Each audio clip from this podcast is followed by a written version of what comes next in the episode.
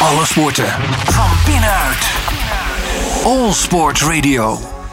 Komende zondag is het alweer tijd voor de zesde Grand Prix in de MotoGP van dit seizoen. En na de winst van Quartararo in Portugal van vorige week is het tijd voor de Grand Prix in Jerez in Spanje. Aan de telefoon hebben we MotoGP-expert Samantha van Wijk. Samantha, een hele goede middag.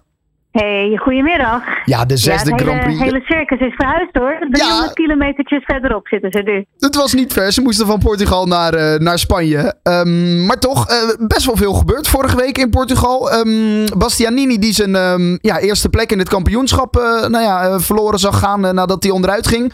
Quartararo Ja. die, die, die die nu weer heeft overgenomen volgens mij, toch?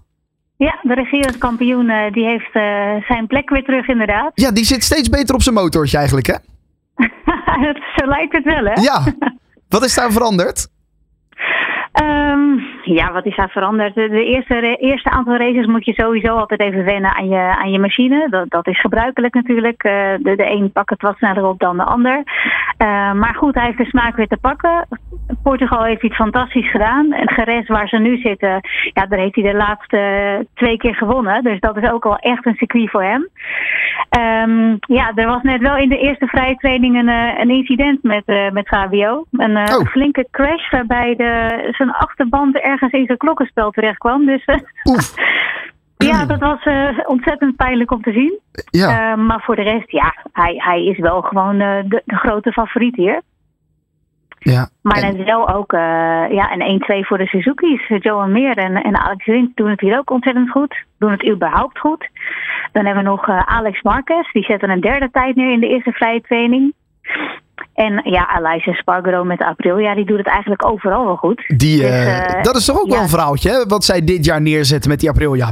Ja, Aprilia is echt, ja, die doen het echt gewoon, ja, Want, ja want ze zijn best wel, best wel constant. Ze doen het gewoon overal best wel goed. Ja, want het is eigenlijk een best wel een wat kleiner team. Hè? Het is niet een van de grote fabrieksteams zoals eh, Yamaha waar Quartararo op rijdt of een eh, Suzuki of een Ducati. Ja. Het is een wat kleiner team, maar eigenlijk hebben ze een supergoeie motor. En die Alais die, eh, nou ja, die rijdt daar enorm hard op.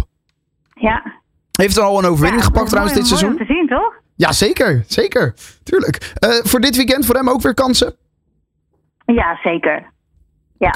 Oké, nou ja, dat is mooi. Eh, Bastianini, hoe gaat het daar dan mee? Dat was natuurlijk de man die eh, naar Portugal ging vorige week als kampioenschapsleider. Onderuit ging ehm, halverwege de race en eh, nou ja, zijn koppositie verloren zag gaan. Hoe, hoe, hoe zit hij er nu bij? Wat, wat is zijn gevoel op dit moment? Nou, ik denk dat hij gewoon weer een mooi resultaat kan neerzetten hoor. Maar ja, er kunnen altijd gewoon gekke dingen gebeuren. Dus ja, daarvan ben je natuurlijk ook afhankelijk. Ja, dat, is, eh, dat is helemaal het geval inderdaad. Gaan we dus in de gaten houden, die MotoGP. Dan hebben we natuurlijk in de Moto2-klasse een enorm jonge Nederlander. 16 jaar is die, Zonta van de Goorberg. Eh, doet Ja. mee aan die eh, Moto2. Vorige week in Portugal reed hij een geweldig weekend eigenlijk. Hè? Los van de valpartij even op zondag. Dat was heel vervelend. Maar verder was het een perfect weekend voor hem.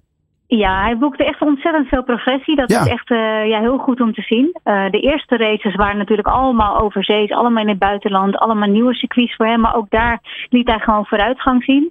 Eh, dus de afgelopen race in Portugal was de eerste, het eerste circuit dat hij kent.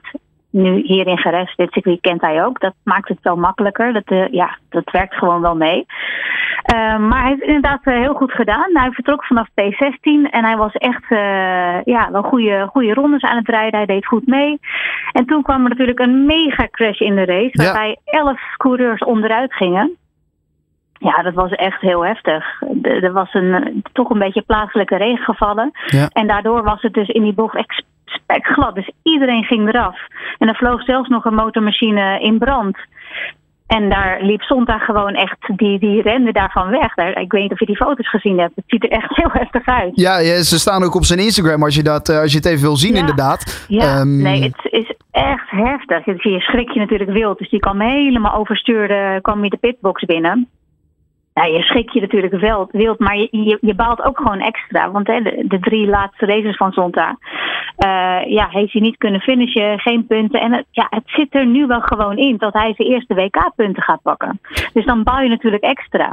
Maar goed, het belangrijkste is gewoon dat iedereen ongedeerd is. Uh, en er redelijk gewoon uh, goed vanaf gekomen is. Ja, want hoe zit dat met die verwachtingen bij Zonta? Uh, want nou ja, hij, hij, is pas 16 jaar. Uh, reglementair ehm, was dit de laatste die, die zo jong nou ja, deel mag nemen aan de MotoGP. Vanaf nu moet je voor alle klasses moet je minimaal 18 jaar zijn. hij is 16, Moto 2 echt ja. Nou ja, een, een langdurig project. Misschien wel vijf jaar om echt nou ja, tot die MotoGP te komen. Nu echt een, een leerjaar eigenlijk. Maar het gaat veel ja, sneller dan verwacht. dat zeg je goed, dit is echt een leerjaar. Maar het gaat veel sneller dan verwacht. helemaal niets verwachten.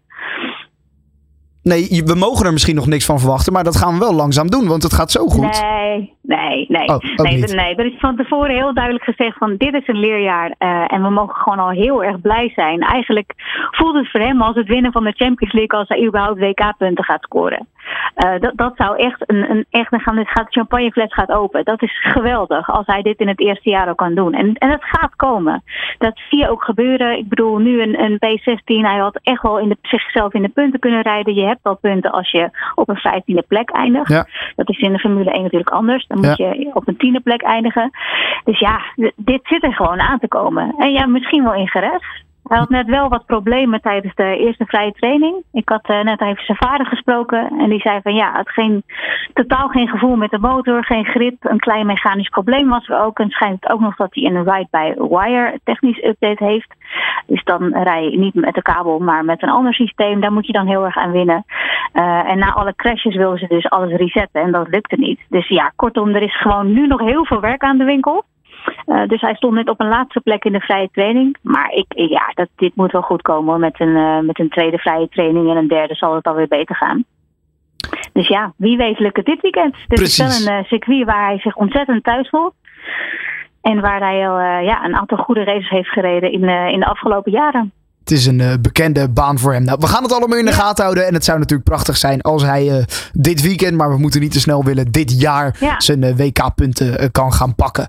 Dat zou mooi Precies. zijn. En dan hebben we natuurlijk nog Bo. Ja, die heeft het oh ja, Bo Bensnijder. Ja, dat is natuurlijk ook. ja, maar die, die zit al een jaar of vijf in die Moto 2. Ja, um, die heeft natuurlijk een stuk meer ervaring. Maar die heeft ook weer een keurige P8 neergezet in Portugal. En ja, het ziet er allemaal stabiel uit. Hij staat nu 12 in het kampioenschap. Dus. Um, ja, is dat nog hier ook wel weer een uh, knap resultaat. Is dat nog iemand die later door kan gaan stromen naar de MotoGP? Ik heb het idee dat het wat te lang duurt, namelijk bij hem. Uh, ja, dat zou kunnen. Je, ja, je, weet het natuurlijk nooit hoe het loopt.